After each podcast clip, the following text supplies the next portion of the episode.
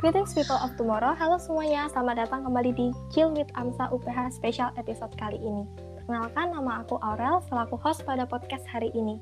Nah, di podcast ini aku nggak sendirian nih, aku bakal ditemenin juga sama temanku yaitu Halo semuanya, aku Kerin yang akan menemani Aurel pada podcast kali ini. Jadi, di episode kali ini kita mau bahas tentang apa nih, Ker? Di episode kali ini kita akan bahas tentang vaksinasi, yaitu vaksinasi COVID-19. Karena ternyata masih banyak nih Rel yang belum paham mengenai vaksinasi COVID-19. Benar banget nih, Ker. Tapi tentunya bukan cuma kita aja yang bakal nemenin kalian ngobrol-ngobrol. Karena kita juga kedatangan narasumber hebat, yaitu Dr. Q. Silahkan dok untuk memperkenalkan diri. Ya, halo selamat malam semuanya. Ya, perkenalkan saya Dr. Giovanni Adrian Santoso. Saya alumni dari FKUPH Angkatan 2013.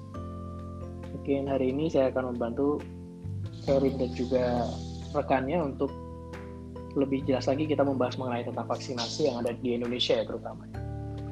Wah, halo salam kenal ya dok. Kalau boleh tahu kesibukannya sekarang apa nih dok? Untuk saat ini sih aku sekarang lagi khusus kerja di Rumah Sakit Mata yang bertepatnya di Solo, Jawa Tengah. Sebelum masuk ke penjelasan vaksin COVID-19, akan lebih baik kalau kita tahu apa itu vaksinasi dan kenapa vaksinasi itu penting. Boleh dok dijelaskan terlebih dahulu? Oke, mungkin aku bisa bantu jelasin secara awam ya ini untuk mungkin untuk semua masyarakat juga jadi apa sih vaksinasi itu jadi kalau vaksinasi yang mungkin orang-orang tahu itu semacam kita memberikan suatu zat atau ya kita sebut sendiri itu sebagai suatu vaksin yang nanti akan kita suntikan ke dalam tubuh kita. Fungsinya untuk apa sih kita menyuntikkan ke dalam tubuh itu? Gunanya untuk meningkatkan sistem imunitas dalam tubuh, di mana sistem imunitas yang setelah terbentuk itu akan membantu membentuk suatu kekebalan terhadap suatu penyakit. Terlebih lagi vaksinasi ini kan kita korelasikan dengan vaksin COVID-19. Jadi di mana kita tahu setelah pemberian vaksinasi, jadi memasukkan zat atau vaksin itu ke dalam tubuh, diharapkan akan membentuk suatu antibody atau dapat meningkatkan suatu sistem kekebalan tubuh untuk melawan virus tersebut. Seperti itu. Kalau untuk jenis vaksin COVID-19 itu sendiri yang beredar di Indonesia sekarang tuh ada berapa banyak ya dok? Oke, okay. jadi kurang lebih kan kalau misalnya kita bahas dulu waktu awal mungkin kita tahu ada namanya vaksin yang dari China itu yang Sinovac ya. Terus sekarang udah mulai ada yang baru, sekarang udah mulai boleh dipakai untuk kalayak umum yaitu Moderna juga. Dulu sempat ada yang dari Inggris dan juga Aussie itu AstraZeneca. Nah mungkin uh, aku jelasin satu persatu mungkin secara awam ya. Jadi kalau yang pertama yang beredar luas di Indonesia itu vaksin Sinovac. Dulu Sinovac pertama kali disuntikan itu sekitar bulan Februari. Dia disuntikannya itu adalah virus yang dilemahkan. Jadi waktu virus sudah dilemahkan, dia disuntikan ke dalam tubuh. Pemberian suntikannya itu dia akan disuntikan melalui sistem muskular atau melalui otot. Nah itu kemudian di-upgrade lagi sekarang karena vaksin Sinovac itu tetap beredar, cuman supaya distribusi di Indonesia itu lebih cepat, dihasilkan lagi oleh PT Bio Farma. Nah, PT Bio Farma ini juga sama isinya, kadar Sinovac itu. Cuma dibantu oleh PT Bio Farma untuk mengolah kadar vaksin dari Sinovac itu. Cara pemberiannya juga sama, disuntikan melalui otot seperti biasa dan juga isinya adalah virus yang dilemahkan. Kemudian vaksin yang berikutnya yang masuk ada vaksin yang dari Inggris dan juga Aussie, yaitu yang vaksin AstraZeneca. Nah, vaksin AstraZeneca ini sama disuntikannya juga melalui otot, cuman isinya berbeda. Kalau yang tadi adalah virus yang dilemahkan, kalau yang ini adalah virus hasil rekayasa genetika atau bahasa medisnya kita bilang melalui viral vectornya. Nah, terus kemudian vaksin yang akhir-akhir ini yang lebih marak orang-orang bicarain yaitu vaksin Moderna yang udah masuk.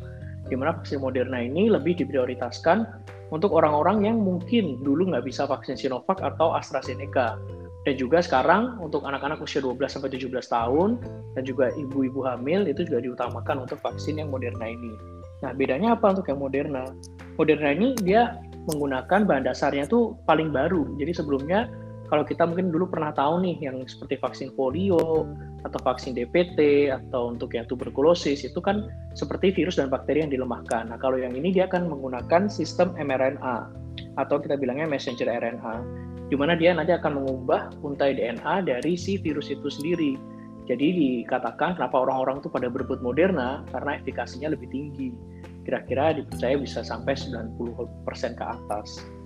Nah, kemudian ada lagi satu vaksin yang tapi ini cuma khusus diproduksi sama kimia farma, tapi ini untuk corporate aja, yaitu vaksin Sinovac. Kurang lebih juga hampir sama seperti vaksin Sinovac. Jadi dia adalah virus yang dilemahkan atau inactivated virus yang disuntikkan melalui sistem otot kita dan kemudian juga akan membentuk suatu kekebalan yang kita harapkan. Seperti itu. Itu mungkin jenis-jenisnya ya yang udah yang sekarang lagi beredar di Indonesia. Baik dok, uh, kira-kira vaksin COVID-19 ini ada efek sampingnya nggak ya dok? Kalau misalnya okay. ada itu disebabkan karena apa gitu dok? Oke, okay. jadi kadang-kadang orang-orang banyak yang takut sebelum disuntik mereka biasanya merasa sehat nggak ada masalah, tapi biasanya setelah disuntik malah jadi demam atau tangannya biasanya jadi kram atau nggak bisa digerakkan, bisa mual muntah, terus kerasa badannya pegel-pegel kayak gitu. Nah, kenapa sih kok bisa muncul efek samping seperti itu? Nah, efek samping yang ditimbulkan itu karena adanya respon antibodi dalam tubuh kita. Gimana kalau misalnya tubuh kita ketemu suatu zat asing atau yang kita bilang saat ini adalah vaksin ini sendiri.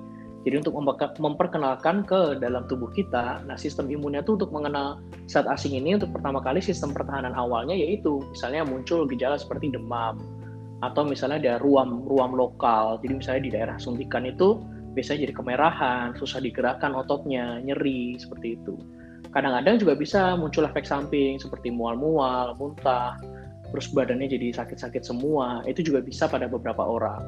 Namun itu nggak perlu nggak perlu menjadi suatu kekhawatiran karena itu adalah reaksi imun normal.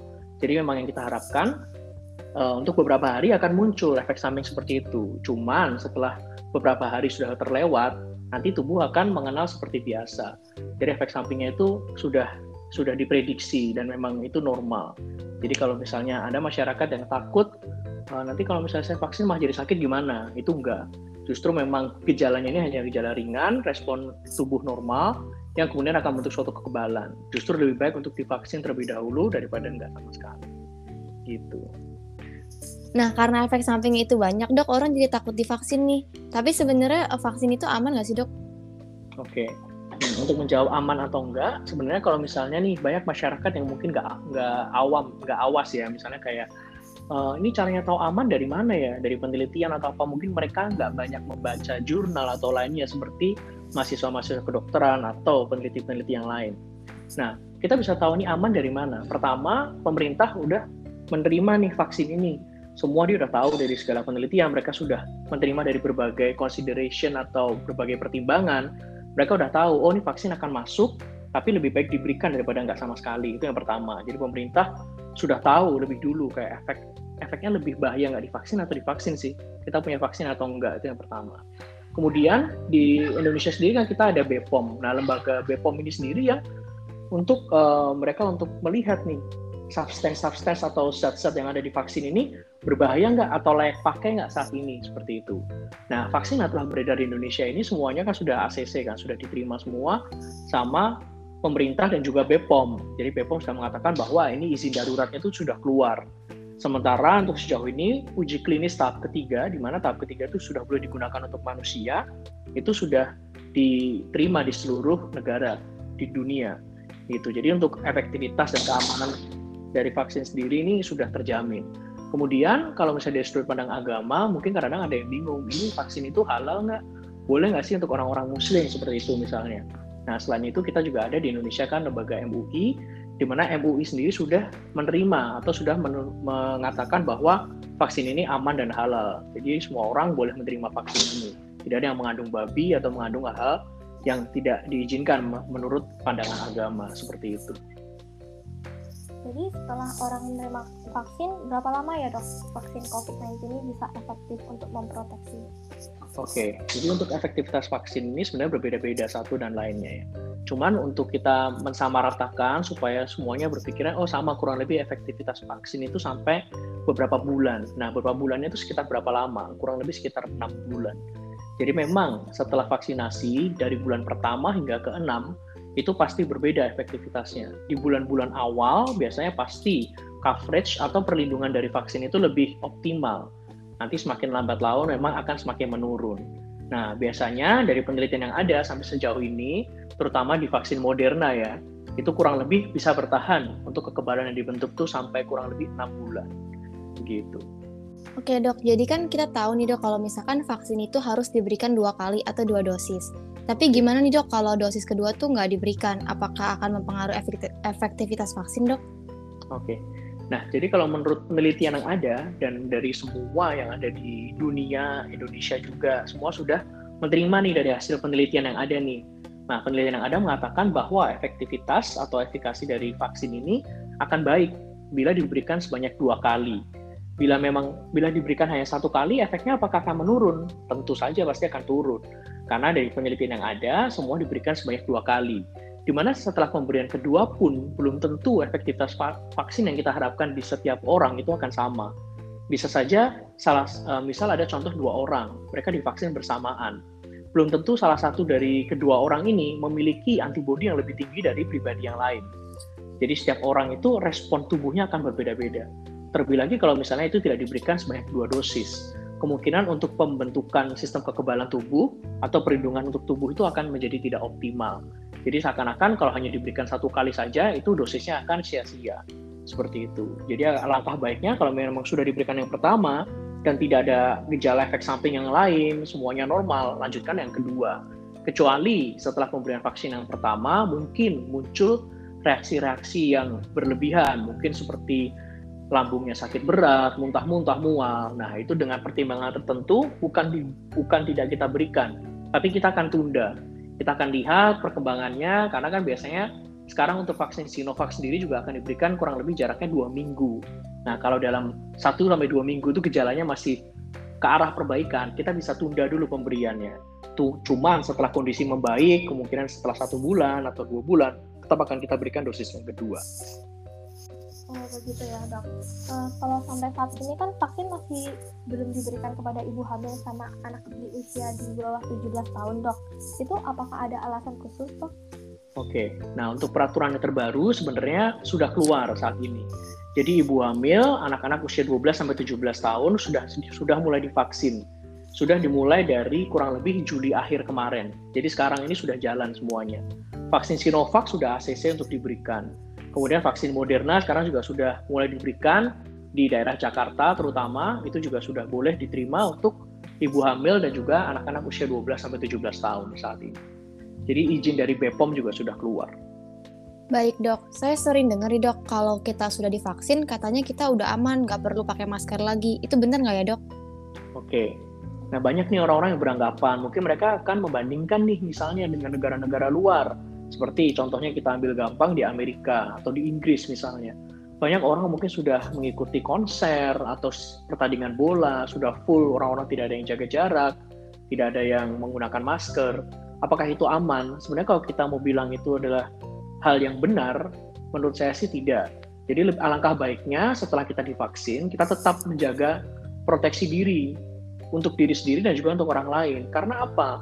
Belum tentu misalnya setelah kita divaksin nih, misalnya satu hari setelah kita vaksin, antibodi itu belum tentu sudah terbentuk karena antibodi itu butuh proses bisa sampai satu dua minggu atau lebih dari itu bahkan. Jadi setelah itu terbentuk pun kita juga tidak tahu nih setiap orang kan seperti yang saya katakan tadi respon imunitasnya akan berbeda-beda. Bisa aja mungkin belum terbentuk atau malah terjadi peningkatan waktu yang harusnya mungkin kita berekspektasi bisa sampai enam bulan ternyata berkurang nih. Hanya sampai 2-3 bulan efektivitas dari vaksin itu menurun. Jadi alangkah baiknya selama masih status pandemi seperti ini dan masih banyak orang-orang yang terpapar setelah kita vaksin pun kita akan kita harus tetap mematuhi protokol kesehatan dengan baik. Yaitu yang paling gampang ya kita menjaga jarak dan juga menggunakan masker. Seperti itu. Itu untuk proteksi diri kita sendiri dan juga orang lain benar banget saya juga setuju sih dok nah sebagai penutup nih dok uh, bagaimana tanggapan dokter terhadap orang yang menolak untuk melakukan vaksinasi dengan alasan takut, misalnya karena terjadi komplikasi dan sebagainya. Oke, nah jadi banyak nih juga nih orang-orang mungkin masyarakat luas, mungkin jarang yang belum dengar, mungkin kadang-kadang juga nggak dengar berita atau membaca misalnya. Jadi terkadang-kadang hanya mendengar kabar angin, takut nih, oh divaksin kita jadi dari sehat malah jadi sakit gitu. Nah, sekarang kita berpikir untuk uh, risikonya nih atau komplikasi yang ditimbulkan karena COVID. Kalau misalnya orang yang oke okay lah, syukur-syukur satu orang itu sehat terus selama pandemi dia nggak akan nggak pernah sakit, mungkin saja bisa terjadi. Tapi kalau misalnya seseorang ini terkena COVID, apalagi dia punya faktor risiko nih, seperti obesitas, gula darahnya tinggi, misalnya seperti itu, itu akan memperparah nih proses COVID-nya. Komplikasinya bisa meningkat sampai empat kali lipat. Jadi itu akan lebih berbahaya daripada tidak diberikan vaksin. Jadi kalau misalnya orang berpikir kayak e, nanti saya terkomplikasi nih karena e, kena vaksinnya ini malah badan saya jadi nggak enak, saya malah takut meninggal. Itu sangat salah. Karena tadi seperti yang kita sudah bahas di awal, vaksin ini sudah melewati berbagai uji fase klinis ya. Udah ada uji fase klinis 1, 2, dan 3. Sehingga udah boleh kita pakai nih untuk masyarakat umum di seluruh dunia.